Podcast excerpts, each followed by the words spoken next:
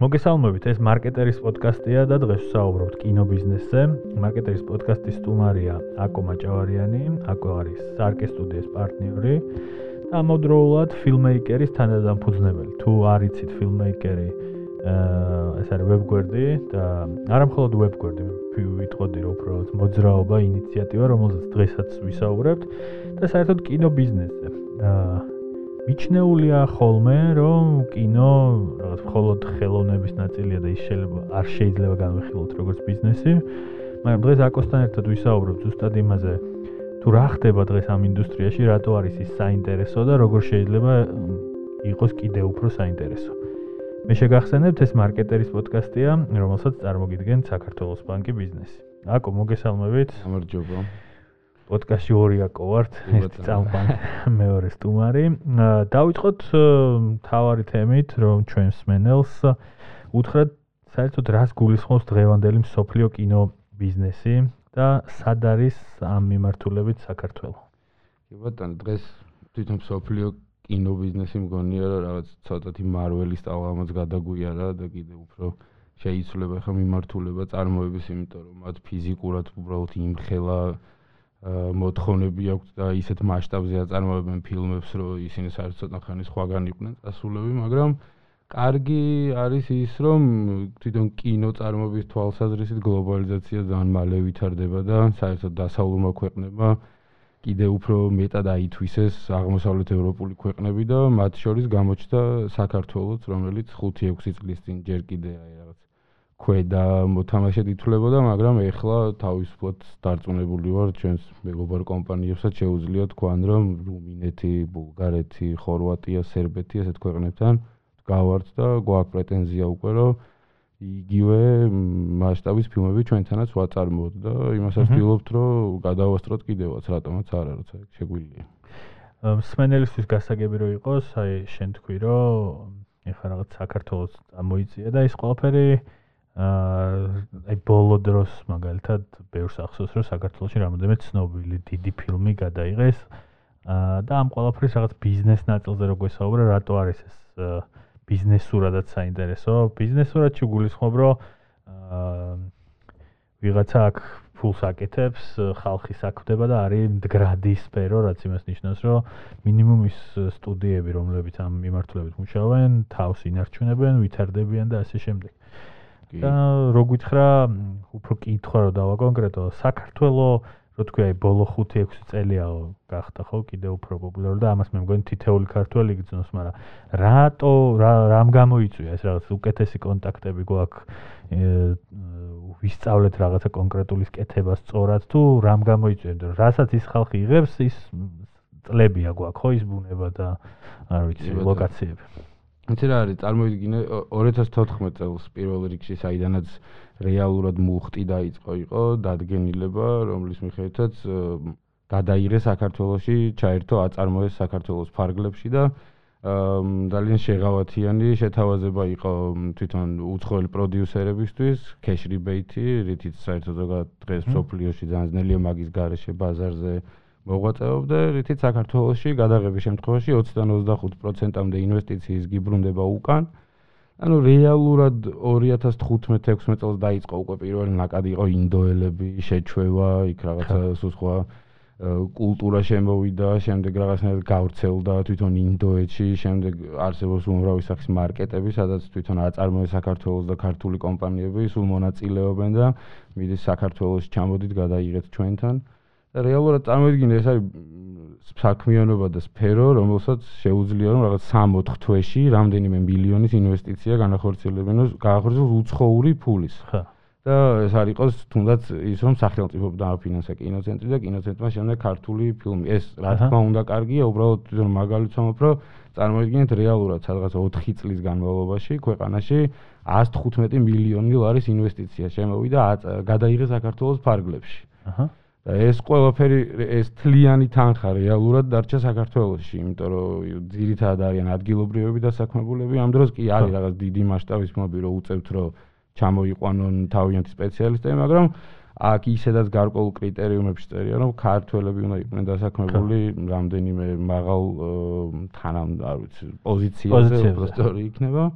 და შესაბამისად თლიანად ეს თანხა რჩება ქვეყანაში. თანხა და ალბათ გამოცდილებაც, რაც ამოსტილა, რა თქმა უნდა, რა თქმა უნდა, იმიტომ რომ სმენელისთვის რო იყოს აკო გასაგები, რიბეითი ახსენე შენ, ესე იგი, როგორ მუშაობს ეს რო დაახლოებით გითხრა, იმიტომ რომ აი მაგალითად ვიღაცა ჩამოდის პროდაქშენი, იღებს საქართველოს კინოს, უხეშად ხარჯავს 1 მილიონს და მე რა ხდება? კი ბატონო, უხეშად ვთქვათ, მილიონი დახარჯული თანხიდან 200.000 ლარს იბრუნებს უკან და კიდევ აქვს 5 დამატებითი პროცენტი, ეს როცა დამატებით 50.000-ის აკრეფის საშუალება აქვს, ოღონდ იქ არის თითო პროცენტიანი კრიტერიუმები, რასაც cultural test-ი ქვია და უწევს, რომ აი ზუსტად იყოს დასაქმებული რამდენიმე ქართველი მაღალ პოზიციაზე იყოს, იქ ქართული წარწერა, საქართველოს იყოს ნახსენები და ესე შეუულია კიდევ დამატებით 5% და საერთოდ ჯამში ისედაც საქართველოს მისი ფასიდან გამომდინარე ხა სხვა ევროპულ ქვეყნებთან შედარებით 2-3 ჯერ უფრო იაფია ჩვენთან. აჰა.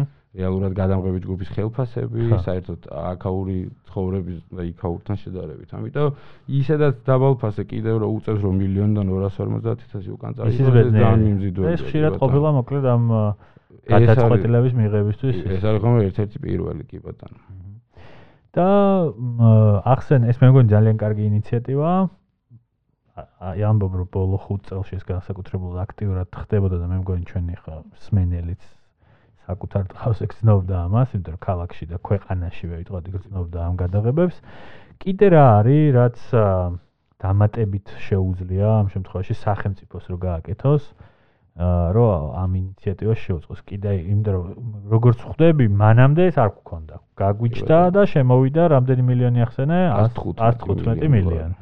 კიდე რამე ხო არ არის, რაც უნდა იყოს, რაც შეუწყობდა ქვეყანაში კინო ბიზნესის განვითარებას, ან ზოგადად ინდუსტრიის და არა გვაქვს. იცი რა არის საერთოდ კინო ინდუსტრია რომელიც დღეს რეალურად არის ხოლმე რომ მოგცლიათ რა რა დროს ფილმის გადაღება. ეხა პანდემია რა დროს ფილმია ამ დროს მთელი ქვეყანა цаრიელია და შენ შეგიძლია უბრალოდ რაღაცა 10 უცხოელი პროფესიონალი შემოიყვანო აქ ქართული დაასაქმო და 150 ადამიანმა სარიო ქვეყანაში ისაიაროს, რომ სულ ვიღაცას კოვიდი დაემართოს, იქვე თავისთავად каранტინში მოიქციოს, იმკურნალოს და გააგრძელოს მუშაობა იძან. ქვეყანაში შემოსავალი ტურისტზე მეტი დატოვოს, ალბათ. ამ დროს მე ვფიქრობ, რომ აი როგორც რაგბი ჩვენი თამაშია, ტურიზმი ჩვენია, აი ზუსტად ესე შეიძლება იყოს, რომ საქართველოს კინო გადაღების მასპინძელი ქვეყანა, ერთ-ერთი წამყვანი, იმიტომ რომ რეალურად სახელმწიფო უნდა მუშაობდეს მუდმივად კინოწარმომადგენლებთან ერთად და იმ ადამიანებთან ერთად, ვინც რეალურად ყიდიან იმას, რომ საქართველოს ჩამოიყვანონ უცხოელები და გადააღებინონ, იმიტომ რომ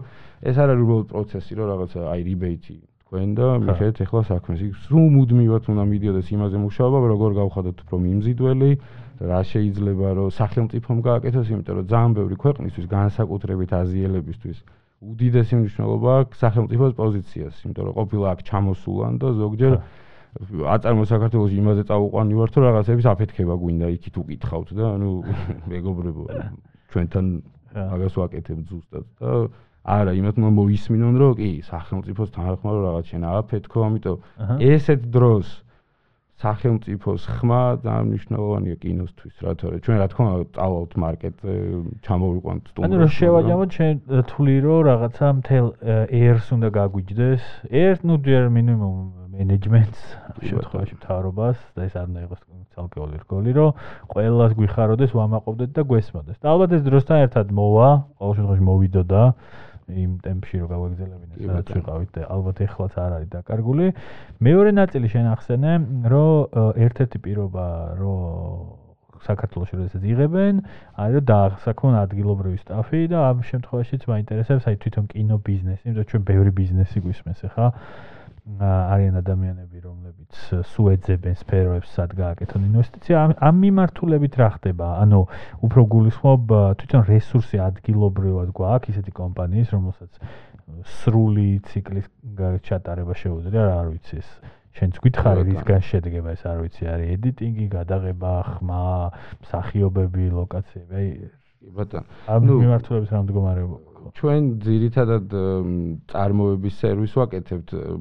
საქართველოში არიან კომპანიები რომელსაც პოსტი მშვენივრად შეუძლია აგვიხსენი ორივე იმიტომ რომ ჩათვალე რომ ვინც გვისმენს არის ნუ როცა არის წარმოების ნაწილი სადაც თვითონ სცენარის უბრალოდ თვითონ აღსრულება ხდება და მისი პროდუქტად შექმნა და შემდეგ არის გადაღების შემდეგ სამუშაოები სადაც ფერი ხმა მუსიკა არ ვიცი გრაფიკა ესეთი რაღაცები სრულდება და რეალურად rebate ამ მეორე ნაწილზე ვრცელდება უბრალოდ ну თვითონ საქართველოს იყენებენ ხომ ის რომ გადაიღონ და შემდეგ თავისთან მიაქვს და იქ მუშაობენ მაგრამ იყო ახლა რამდენიმე შემთხვევა როცა თუნდაც ძალიან დიდი ჩინური სერიალი გადავიღე და პოსტრედმა იმუშავა მაგალითად ხმაზეც და მუსიკაზე თლიანად და მთელი სეზონი მათ გააკეთეს მაგრამ ну საერთო ჯამში აქ უკვე იმდენად განვითარა იყო ის მომენტი რომ საერთოდ კარგი იყო რაღაც მომენტი რომ ჩამოსულიყვენ გვიზიარებდნენ თავიანთ გამოცდილებას იმიტომ რომ სტრუქტურა მაინც როგორც ხვდები ყველგან როგორც მოირგებ ისე მუშაობს რა არსებობს რაღაცა საერთო ჩონჩხი და სტრუქტურითაც ზოგადად წარმოება ხდება. მაგრამ შემდეგ არის იქ ამერიკელები ცოტა სხვა სტილით მუშაობენ ევროპელები ცოტა სხვა სტილით. ჩვენ საქართველოსში რაღაცნაირად როგორც შეგვიძლია ხოლმე მოირგეთ ეს ორივე და ძალიან კომფორტულები ვართ მაგრამ ამას დაჭირდა გარკვეული დრო მაგრამ აი ბოლო პროექტებზეც რომ მოგვისმენია უცხოელ კოლეგებს აი ისე რომ გაუზიარებია ჩვენზე რამდენიმე ქართველზე რომ აი ყოფილი ჰარი პოტერის ოპერატორი ყავდა და სანამ წავიდოდა მისმა ქართველმა მის ქართველ კოლეგა შეაფასა რომ აი სამეულში აუცილებლად მემახსოვრება ვისთანაც ოდესმე მიმუშავია რა და ესეც გებულობთ ბევრზე უკვე ძალიან და ეს კარგია იმიტომ რომ საერთოდ უცხოეთში რომ მიდიხარ ჯობს რომ იქაურმა ქრუმ ბოლომდე გაგიწიო სერვისი იმიტომ რომ იქაც ბევრ ხარჯებთან არის ასოცირებული ამიტომ ჩვენ ვიზრდებით მაგრამ ჯერ ვერ ვიტყვი რომ რესურსი ყოფნის მაგრამ რეალურად სიმართლე რომ ვთქვა, ორი ჩვეულებრივი პროექტის სრული ციკლი შესრულება შეგვიძლია საქართველოს. საქართველოსში ყველას ერთად. კი ბატონო. აა ეხლა შევეხეთ ამ თემას, რასაც თქვი, რომ რაღაცები გვაქებენ, მოწონთ ეს ყველაფერი, მაგრამ ჩვენ მოვდივართ სარეკლამო ინდუსტრიიდან, ეხლა მარკეტერი ამ სფეროშია ჩახედული და ძირითადად რომ შეხედავ იმ ადამიანებს, რომლებიც დღეს ძალიან მაღალი დონის პროექტებს, პროდუქტს, კამპანიებს, იდეებს, არ ვიცი რა რაც გინდა დავარქოთ, ქმნიან. ესენი არიან თვითნასწავლები ან რაღაცა სხვა სფეროდან გადმობარგებულები, რომელიც ასევე ცუდი არ არის, მაგრამ აა ბოლო წლებს ასევე თუ არ ჩავთვლით იმას რომ რაღაც ქვეყანაში მაიამიც გული გვაქვს და იქ ჯიპა გააქტიურდა და თბილისის კომუნიკაციების სკოლა, კომუნიკაციების სკოლა. აქტიურად ვერ ვიტყოდი რომ რაღაცა სწორ ციკლს გავდივართ ამ განვითარების. კინოში რა ხდება? ანუ ეს ხალხი არ ვიცი, ოპერატორიდან დაწყებული რეჟისორი, ხცენის მხატვარი, კოსტუმების მხატვარი. ეს ხალხი ანუ ასევე იგივე მდგომარეობა რო სხვადასხვა სფეროებიდან პოულობთ და მე იქ იზდებიან და ვითარდებიან თუ იქ რა ინფრასტრუქტურა აქვს შემთხვევაში როგორ?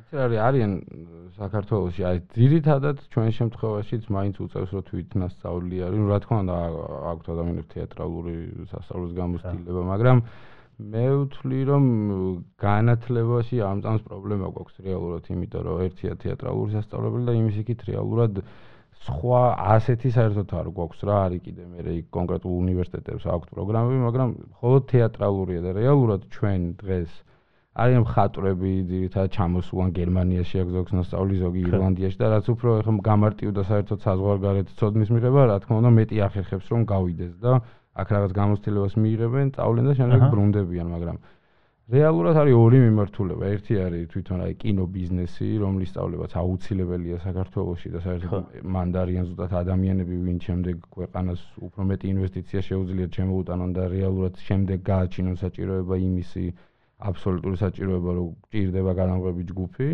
და ჩემი აზრით ძალიან მნიშვნელოვანია სცენარი. იმიტომ რომ დღეს უკვე მით უმეტეს როგორ საქართველოს აკვირდებიან და მით უმეტეს ჩვენი სწორი ორიგინალი იდეით შეგვიძლია ისედაც იმხელა პროექტებს აქ პირდაპირ საქართველოსზე გავაკეთებინოთ პროექტი ან თუნდაც არ იყოს ეს საერთოდ საქართველოსზე მაგრამ ქართულმა სცენარმა აქ ისეთი პროექტი ჩამოიტანოს რომ ბევრად მეტად არის ყურადღება მისაქცევი ჩემი აზრით იმიტომ რომ ეხა განათლება არის აი ესე რაღაცებს ერთმანეთს უზიარებთ მეც საერთოდ არ მაქვს კინო განათლება რაღაც პირველი კურსი შუიდან ავდექი და სარკეში წამოვედი და სარკი რაც გამიზიარა ეს იყო და შემდეგ მე ახლა სხვას უზიარებ და ერთმანეთს უ იმპირობით უზიარებთ რომ ის კიდე სხვას გაუზიარებს კი ბატონო და რავი სიამოვნებით რომ ყოფილიყო დარწმუნებული ვარ რომ მეც ვისწავლდი საქართველოსში იმიტომ რომ რეალურად საქართველოს დღეს მithumetes ისეთი გადაღებები მიმდინარეობს რომ სტუდენტი თვითონ აქაურ სასწავლებელს შეუძლია ძალიან საინტერესო გადაღებაზე აღმოაჩინოს იმ პროექტზე გაუშვას როგორც PA ამ წარმოების ასისტენტი და პირველი ნაბიჯიდან შეხედოს გადაღებებს ხო ანუ თბილისი ძალიან კარგი ქალაქია ბათუმი ძალიან კარგი ქალაქია კიდევ გვაქვს რამდენიმე ქალაქები გვაქვს ჭიათურა წყალტუბო სხვა სხვა ისეთი ადგილები რომელიც თვითონ კადრს მოგცემს, არ ვიცი, ინგლისურად ტერმინები სამწუხაროდ, აი იმდენად ახალია რაღაცები, რომ ქართული ტერმინები რაღაც შესატყვისიც კი არ გვაქვს, ხო ხდები და ნიშნავანია განათლების garaშე ჩვენ კი რამდენი გადავაწვდით ერთმანეთს ამ ცოდნას, ხო? ამიტომ რაღაცა სასწავლებელი გჭირდება და ну აი ფილმეიკერიც მაგაზე გადავალ ფილმეიკერზე მომენტავი და სანამ გადავიდოდეთ ფილმეიკერზე, თავიდან მე ვახსენე, რომ ჩვენ ვისაუბროთ კინო ბიზნესზე.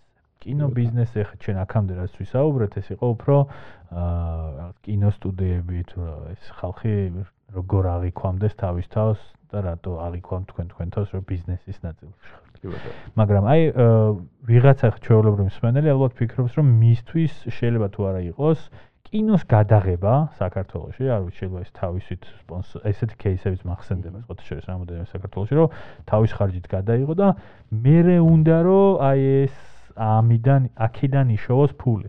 ამის რა პერსპექტივა გაქვს? ანუ გულისხმობ იმას, რომ შენ შეიძლება შენი ხარჯებით, ანუ კომპანია ხარ თუ არ ვიცი, სტუდია ხარ, გადაიღო და მე არ ვიცი, სადღაც გაყიდო, სადღაც აჩვენო კინოთეატრებში და ტრიალო თუ როგორც იძახიან, აქ რა მდგომარეობა აა იცი რა ჩემი აზრით მაგ დიდი ნაწილიც ისევ სასწავლებლად უნდა მოდიოდეს იმიტომ რომ ის ადამიანი სწორად ნასწავლ ადამიანს თუ მიცემს ამ ყოველფრისთვის თანხას უფრო მეტი შანსია რომ იმან უფრო სწორად შეასრულოს და გაყიდოს ის პროექტი იმიტომ რომ კინოში ისედაც ყოველფერს თავის წესი არ აქვს მაგრამ გამოცდილება და აგროვული რასაც დღეს უკვე შეგიძლია შეხვიდე და დაგუგულო ხო? არის რამდენი ქართველი დამოუკიდებელი პროდიუსერია რომელსაც პირადი თანხა ჩაუდია ფილმში. იყო პერიოდი როცა რაღაცნაირად შეიძლება და იაფად გაგეყიდა კარგად ქართული ფილმი, მაგრამ დღეს უკვე მithumetes რეალურად რო შევხედოთ, ხო აი უკრაინ ჩვენ მეზობელ ქვეყნებში რეალურად თვითონ მოსახლეობა იმხელა რაოდენობაზეა, რომ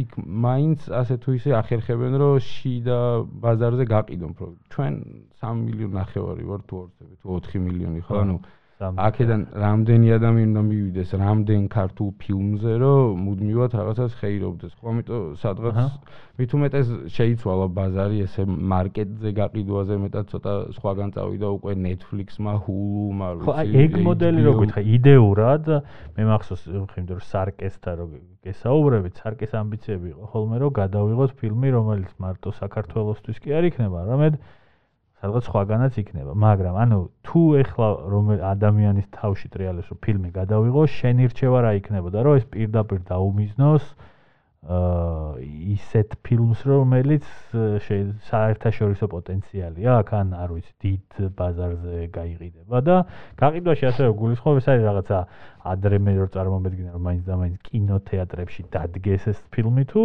Netflix-ი და არ ვიცი კიდე რა საშუალებებია სადაც. იცი Netflix-ისთვის ჯერ ფილმი არ მივიყიდია ზუსტად არ ვიცი მათი გაყიდვის რეინჯი რა არის, მაგრამ დღეს აქაურ კინოში ქართულ ფილმზე ხო ხდება ჯოკერი იყო თუ არ ვსწრები ბოლოს ყველაზე მაღალი ადგილობრივი შემოსავლით რა და ანუ იცი არის მან სწორად მოერგო კონცეფტს რა რისთვის აკეთებ ფილმს ზუსტად რატომ გინდა რომ გაყიდო? აი ძირითადად აი პირველი ერთ-ერთი რას ვისწავლე იყო ის რომ აი ხა მე ამ ფილმს გადავიღო და შემდეგ ფესტივალებს მოვიგებ ანუ მან არ არის რა უბრალოდ არსებობს უამრავი გზა იმისთვის როგორ გინდა რომ შენი პროდუქტი გაყიდო. ეხლა უბრალოდ მე მოზგულისხმობ რომ დღეს თვითონ ისეთმა ხალხმა დაიწყო საქართველოსთან კინოსაქმიანი ურთიერთობა რომ სწორი პროექტი თუ გაქვს ხელში, ბევრად მარტივია უკვე მიაწოდო ისეთ ადამიანს, რომელსაც შეუძლია რომ საკმაოდ მასშტაბებში დიდი მასშტაბის მქონე ადამიანები დაინტერესოს და ჩაადებინონ აქაური ფული. ამიტომ მაგას ვამბობ, ერთია კინო ბიზნესი, რაც შეგვიძლია ვასწავლოთ, მაგრამ თუ ჩვენ გვეყოლებიან კარგი სცენარისტები, რაც არ ამგონია რომ საქართველოს ეს რთული იყოს მისაღწევად. რეალურად მართლა უკვე შეუძლიათ მათ რომ ამ პროექტებს ყიდნენ და არ იყოს რომ რაღაცა 200000 300000 ლარი და აქ დაიწერა რაღაც თანხა და რაღაც უეს არის შენი შემოსავალი და მუდმივად რაღაც იძიება უკვე არის დღეს იმის შესაძლებლობა რომ რეალურად სწორი ინვესტიცია იშოვო შენი პროექტისთვის კიდე ერთი და გადავიდეთ პოდკასტის მეორე ნაწილზე და ვისაუბროთ ფილმეიკერზე ეს არის თავიდან თქვი ვებგვერდი, მაგრამ მე და შენთან საუბრები გამახსენდა, ასევე ლევანთან, ბახიასთან და ეს არ არის მხოლოდ საიტი, რაღაცა იდეა ამ ყველაფრის მიღმა. შე რო გითხრა, როგორ ჩაიფიქრეთ, რა მიზნები აქვს ამ ყველაფერს და ალბათ ესეც იქნება კიდე ერთ-ერთი პლატფორმა, საიდანაც შეგვიძლია კარგად ავხსნათ რა არის ფილმეიკერი, რისთვის არის და რა რისი გაკეთება შეუძლია თუ ისე გამოვიდა ყველაფერი როგორც ჩაფიქრებული გახდა. ბატონო, აი დაახლოებით 4 წლის წინ იყო რომ აი მე ლეონი გადავეკვეთეთ ერთმანეთს ერთი მიახლოებული აზრებით და მაშინ იყო რომ მოდი ჯგუფი გავაკეთოთ. გააკეთეთ ჯგუფი, სადაც აი ფილმეიქერები ერთად რაღაცნაირად ჯერ მოდი ეს ხალხი შევძლოთ და მოვათავსოთ და მე ეს პროცესი გაგრძელდა 2-3 წელი რომ აი მიდიოდა ამ ფილმექერების რა თქმა უნდა შეიძლება მეტად აქტიური ყოფილიყავით მაგრამ ზუსტად ის რომ იქი წარმოება იყო ეს არ გამოდგა ის საქმე და არ არის ის საქმე რასაც სანახევროდ უნდა აკეთებდე რა ჩემი აზრით და მართლა ეგრეც გამოდგა. შემდეგ აი ერთი აი პანდემია რომ დაიწყო ეხა ხდება ფილმეიქერი 1 წლის 20 აპრილს და დაიწყო პანდემია, მაშინ გავაწყვეტეთ, რომ მოდი, აი ხა არის მომენტი, რომ სწორად დაუთმოთ დრო ამ ყველაფერს, იმიტომ რომ რეალურად გაჩნდა სარკევი ვიყავით და იქ მოვიფიქრეთ, მაგრამ ეს არ იყო ჩვენი ამბიცია, რომ ეს უნდა იყოს რაღაც სარკის პროდუქტი, რა მთავარი საჭიროება იყო ის, რომ აი ზუსტად აქამდე რასაც საუბრობდით, რომ სახელმწიფოსთან ლობირება როგორ მივიტანოთ სწორად ხმა ხალხთან რას საუბრობთ, როგორ ვიქცევით საზოგადოებასთან, იმიტომ რომ ჩვენ თუ ესე ვაპირებთ რომ ინდუსტრია ვიყოთ, გონია რომ პასუხისგებლობა გვაქვს საზოგადოების მიმართაც და არის რაღაცა იდეები, არის რაღაც ნაბიჯები, რაც გაასადგმელია, ამიტომ მოდი არ იყოს ის რომ სიტყვაზე სარკიან რომელიმე კომპანია გამოდიოდეს და ჯერ საქართველოსი არსებობს ეგეთი რაღაც, რომ მე რო რაღაცას ვიტყვი, ეგ ჩემი ამბიციაა და იქ ნაკლებად ცდილობს მე რაღაც დაინახოს იმაში, მე მართლა თუ მინდოდა ეს და თუ მოვახერხებთ რომ ფილმეიქერი არსებობდეს და იქ შიგნით ყველა კინომწარმოებელი არსებობდეს და საერთო ხმა არსებობდეს ჩვენი ამ შემთხვევაში უფრო სწორად მოგვისმენენ და ეს არ იქნება ერთი ადამიანის ხმა. და დავიწყეთ აქედან რეალურად და თვითონ საიტიც ერთი კვირით ადრე შემთხვევით გამოვიდა რომ გაუშვით მე ეგ და ჩვენ თვითონ მუშაობდით ჩვენ თვითონ წერდით და ეხლაც არის ხომ რომ რაღაც შეცდომებს უშვებთ უბრალოდ რაღაც თულს რომ არ დავმალოთ რა იმიტომ რომ ძალიან ცოცხალი პლატფორმა ვართ რეალურად. ცოტა მწყინს ხოლმე ზოგჯერ კომენტარებში შეხვდება გახარებულად შეცდომას რო გიპოვის ვიღაცა. ანუ ეგ საერთოდ არაფერი რა მთავარია რომ ვცდილობთ რომ სულ უკეთესი გავხადოთ მით უმეტეს ახალგაზრდები ვართ და იმ მართლა წერა ვთქვი რა ძალიან ცოცხალი პლატფორმაა სულ სულ რაღაც იძიებაში ვართ და ერთი არის მიმართულება ის რომ იყოს ონლაინ გამომცემლობა არსებობდეს კრიტიკა რაღაცა მაგ კუთხით უვლიდეთ ქართულ კინოს და მეორე არის რომ აი ეგ კარგად მოგვიყევი რომ იდეაში ამჟამად რა მისიას ემსახურება ეს აი ვისთვის რა უნდა იყოს ფილმეიკერი ეხლა ეხლა ვცდილობთ რომ აი ერთ-ერთ პროექტი რაც საერთოდ ფილმეიკერისთვის იცი კარგად რომ მარკეტერი იყო ინსპირაცია და ვითომ ეს სპოტლაითის მსგავსად ეს პროექტი ძალიან კარგად იცი ვცდილობთ რომ ესეთი ივენთი ღონისძიება გავაკეთოთ არსებობდეს რაღაცა ქართული კინო დაჯილდოება რომელიც ყოველი წლის ბოლოს დაჯილდოებს ხო არა ხო ანუ აი კინო მიმართულებით რაღაც მიღწევები არა. მე თუ ეხლა რამე გამომრჩა ისე არ ვიცი რომ იყოს ხო რა და არა და მნიშვნელოვანია რატო რატო არ უნდა ვაფასებდეთ ქვეყნის შიგნით რა მით მე ძალიან მიყვარს მარკეტერი რო ატარებს ხოლმე ბათუმში მაგალითად რამდენიმე ჩემი მეგობარი რომელიც უფრო მაგეთ ხარეს მოღვაწეობს აი გახარებული მიდის ხოლმე რომ იცის რომ ყველა იქ არის ყველას და ანუ სულ სხვა რამეა და ვიხდენთ მაგას. სვენელს რო არ აურიოთ ამას ატარებს კი ბატონო. ასოციაცია და ვინფორსი აქტიურად მაგრამ ჩვენც ხარდამჭერები ვართ და გვეხარია. ჩვენ უფრო კანის მიმართულებით ვართ აქტიურად მაგრამ ხო ეგ არის ეგ არის ერთი და კი კრიტიკა ახსენე შენ ესეც აი სვენელს რო ესმოდეს კინოკრიტიკას გულისხმობ ხო? რაღაცა იწერებოდეს ეს და ეს ვისეხმარება ანუ რაღაც უსტად რასემს პირველ რიგში სავარაუდოდ თვითონ ქართულ მწარმოებლებს ვინც ამ პროდუქტს აკეთებენ იმიტომ რომ ჩვენთან საქართველოს ძილად მოკლე და მწარე სიტყვებით ვიცით ხოლმე პროექტები და ფილმების შეფასება და ეს კარგი კი ბატონო მაგრამ ცოტა მეტი შეფასებაც გამოგვადგებოდა ალბათ. მე ნაკლებად ხდება ხოლმე რომ თვითონ ქართულ პროექტზე მუშაობდი მაგრამ მეც გამიკეთებია პროექტი შეფასება წამიკითხავს და ეგ გასაგებია მაგრამ საერთოდ კინოკრიტიკა უნდა არსებობდეს მე თუნდაც წერა გვეხერხება და ფილმი ძალიან გვიყვარს. რეალურად აი მუვიზეც რომ ნახო პროსტ აი მუვიზე ადამიანები რამდენ ფილმს უყურებენ და რამხელა ნახვებია ანუ აშკარად ჩვენ ფილმი გვიყვარს. ამიტომ რეალურად აი ხო რაღაცა დაკარგულია ცოტა იმედი კი არა თვითონ სფერო იყო მგონი იმდენი ხანი ჩამქრალი საზოგადოებისთვის რომ აი ხა თვითონ მათი ყურადღების დამსახურება გვიჭირს მაგრამ დარწმუნებული ვარ რომ მაგას მოვახერხებთ რა უცილებლად და თვითონ ინდუსტრიამ როგორ მიიღო ეს ინიციატივა? რომ ჩემი გარე გარე თვალით დანახულს გეტყვი, რომ რეკლამა და ეს უფრო აქეთა მიმართულება მარკეტინგი, რეკლამა, პიარი, იმიტომ არის ზიდავს ბევრს, რომ თითქოს არის ესეთი გავრცელებული მოსაზრება, რომ ეს შორს დგას ხელოვნებისგან. ან რაღაცა ცოტა უფრო ხელოვნება კინოშია და აქეთ ჩვენ ეს ხალხი ვართ. შენ აა სარკეზე მაგას ვერ ვიტყოდი, იმიტომ რომ სარკე აა ქვეყნისთვის კარგს ხედავდა, პროექტს ხედავდა ამ ყველაფერში ფინანსურად გრადი უნდა ყოფილიყო. ის ხალხი, ვინც კინოს მხოლოდ რაღაც ხელოვნების ნაწილად მიიჩნევს, ისინი როგორ შეხვდნენ ამ თქვენ ინიციატივას და რამდენად მნიშვნელოვანია, რომ ისინი ჩართულები იყვნენ ფილმეიკერ დიზი ახლა საუბარი. იცი რა არის პირიქით რაღაცა დროთა განმავლობაში ხდება ხოლმე რომ ისეთი ადამიანები რაღაცა არ მოეწონებათ ხოლმე ფილმეიქერის ან მოეწონებათ რომ მე რაღაც ასიამანოა ხოლმე რომ ვა მე მგონი მოვახერხეთ რომ ის რაც მართლა გვინდოდა რომ რეალურად ბირთვი კინოსტუდიის მათი ყურადღება ფილმეიქერისგან ყოფილიყო არსებობს იმიტომ რომ ეხლა ჩვენ მაგალითად საერთოდ არაფერ შუაში არ არის იქით ფილმინ ჯორჯიას ლობირებასთან და კონკურსი გამოვაცხადეთ. ჩვენ თვითონ პირველი იყო ჩვენთვის რა მოკლემეტრაჟიანი დოკუმენტური ფილმების. კი მოჩა ეგ კონკურსი მაგალითად კი ყავს 4 გამარჯვებული და გამოვაცხადეთ ცოტა ხანში მიდის მათთან ეხლა უბრალოდ დაგეგმა როგორ როგორ და რა პერიოდში უნდა შესრულდეს ეს ფილმები. ეგეც ძალიან კაი მაგალითი იყო იმიტომ რომ ეს მაგალითი აი თქვენ როგორ ხედავდით რას უწყობდით? ამ დროს ხელს ისევ რაღაც ახალი ტალანტების გამოჩენას, მათთვის რაღაც პორტფოლიოს შექმნას, იმიტომ რომ სმენელისთვის გასაგები რო იყოს ფილმეიკერმა თავის პარტნიორებთან ერთად მე მგონი ამ ხალხმა დიდი საქმე გააკეთეს და შეგიძლია ჩამოთვალო ვინები იყვნენ აა განიზრახეთ რომ გქონდათ სცენარების კონკურსი სადაც ნებისმიერ ადამიანს შეეძლო დაეწერა თავის სცენარი და გამარჯვებულ საუკეთესოს თქვენ ეხმარებოდით გადაღებაში თავიდან ბოლომდე. ბატონო, ახსოვს. თუ აუცილებლად თქვათ ის კომპანიები, იმიტომ რომ დაუფასოთ, ძალიან მნიშვნელოვანია რომ დაეხმარენ და მე რეგვითხარი თვითონ აი ფილმეიკერის ხედვა რა იყო, რომ აი ეს რატო რაში გჭირდებოდა თამაში გაკეთება. აი ზუსტად ამ კომპანიების და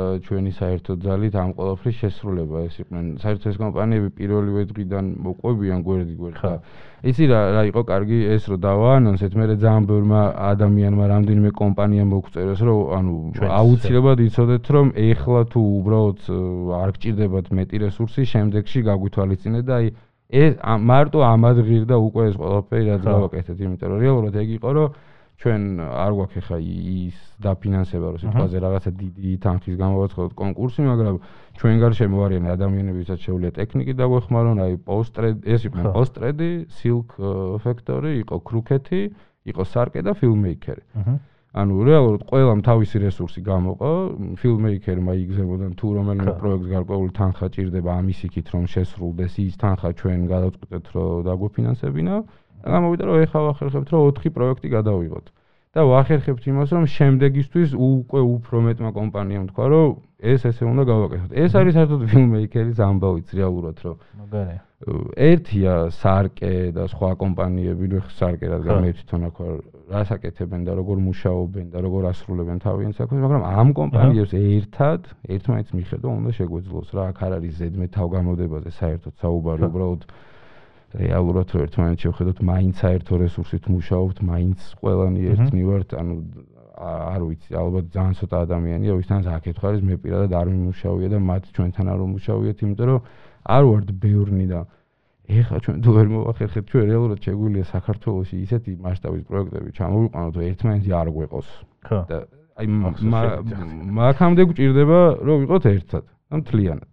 იმის იქით რა თქმა უნდა ეს უკვე კონკრეტული საქმიანობაა და პირიქით მან მუღამიც არის რომ აბა ვინ უკეთ მოახერხებს და ერთმანეთს უნდა ვჯობნიდეთ ხო? მაგრამ აი ეს ერთობა მომწონს მე ყველაზე მეტად რაც ფილმეიქერს ჭირდება და ალბათ სადღაც ბოლომდე ჩვენ კიდე ისე მაგრად არ ვთქვით რომ ეგ საჭიროა და მან ჩვენი ბრალიც არის მაგრამ მივალთ აუცილებლად ყველასთან მივიტანთ და აქაც ახლა ვინ შეიძლება ამას ისმენდეს ჩვენ ესე ვართ რა ფილმეკერი ერთი და ორი ადამიანის არ არის ვინც იყენებს ყველასია რა ამიტომ აი მა ეგრე ვცდილობთ რომ გავაკეთოთ ყველაფერს ხო ვინც იყენებს ვინც თulis რომ ეს ჭირდება. კი ბატონო აკო შენი საუბრე ზოგადად ფილმის ინდუსტრიაზე, როგორც ბიზნესად და იმასაც აღნიშნავ ხოლმე, რომ საქართველოში აი 3-4 დიდი შეკვეთა რომ შემოვიდეს, არ ვიცი, ან პროდაქშენი დაიგეგმოს, შეიძლება მთელ ქვეყანაში აღარ დაგვრჩეს არავინ, ხო? არის ლარიც გავამყაროთ. ლარიც გავამყაროთ.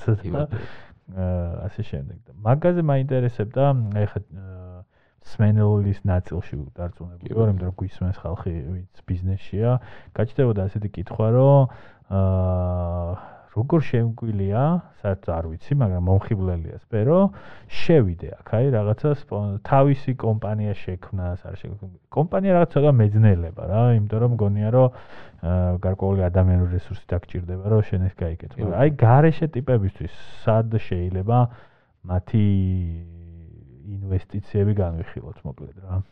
ეცე არის ეხა რეალურად აი რამდენად არის სწორი რომ როგორც აი არ ვიცი შეიძლება ცუდ შედარებას ვაკეთებ მაგრამ რაღაც აქციაზე ბირჟას ყიდე ბირჟებზე ყიდულობენ უბრალოდ აქციებს ან არ ვიცი სხვადასხვა ვალუტებით და ასე შემდეგ ვაჭრობენ. აი ესეთად თუ შეიძლება იყოს რომ მოდი ფილმში ჩავდოთ და ნახოთ. არ არ ვიცი ჩემი ვარაუდია შენ მითხარი უკვე. იცი რა არის ანუ დღეს აა გაჩნდა ისეთი სერვისების მოთხოვნა რა თვითონ აი თუნდაც პოსტის მიმართულებაში თვითონ წარმოების ნაწილში ტექნოლოგიურად განვითარდა.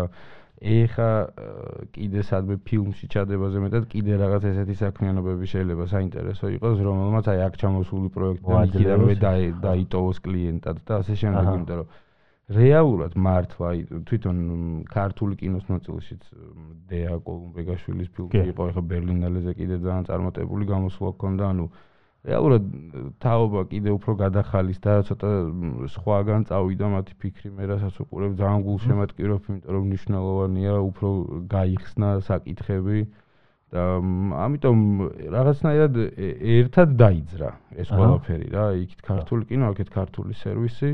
ამიტომ ეხა ნებისმიერ დაინტერესებული ადამიანისთვის ჯერ კიდევ კარგი დროა იმიტომ რომ ესე ესეთ პოტენციალის ქონა ქვეყანას დიდი ხანი არ გაჩერდება რომ სწორი ყურადღება არ ექცეოდეს და არ იყოს ძალიან წარმატებული. ამაში აი 100% დარწმუნებული ვარ, თავარია უბრალოდ ხელი არავინ არაფერმა არ შეგვიშალოს. თან ეგეთი სფერო არც არაფერს ვითხოვთ. ბევრს ჩვენ თვითონ ვაკეთებთ, ჩვენ თვითონ გვიყვარს ყველაფრის კეთება და ამიტომ ნებისმიერი დაინტერესებული ადამიანისთვის ეხა ესე არ ვიცი პოდკასტში რა უნდა განვაცხადო, მაგრამ თვითონ ისაც ძალიან ყველა კომპანია ვინც საქართველოს მოღვაწეობს ძალიან ღია ნებისმიერი საუბრისთვის და დარწმუნებული ვარ რომ ნებისმიერ სანი უბრალოდ დაკავშირება და გამარჯობით იმდენი რამე შეიძლება წამოიღო ძალიან კარგი ინფორმაცია. შენ გქონია რომ მარტივი რამე თქვა სიამოვნებაში კარგია რომ ღიაობა არის კი ძალიან რა თქმა უნდა იმიტომ რომ მონდომებულია ხალხი მართლა ძალიან ბევრი იშრომეს და ჩემამდე კიდე ადამიანები იყვნენ ვინც საერთოდ მათზე კიდე უფრო მძიმე კინომ გადმოიარა მე ისეთ ასაკში მოვედი სადაც რაღაცები უკვე არსებობდა იმის კულტურა იყო ჩამო ჩამოყალიბებულიყო და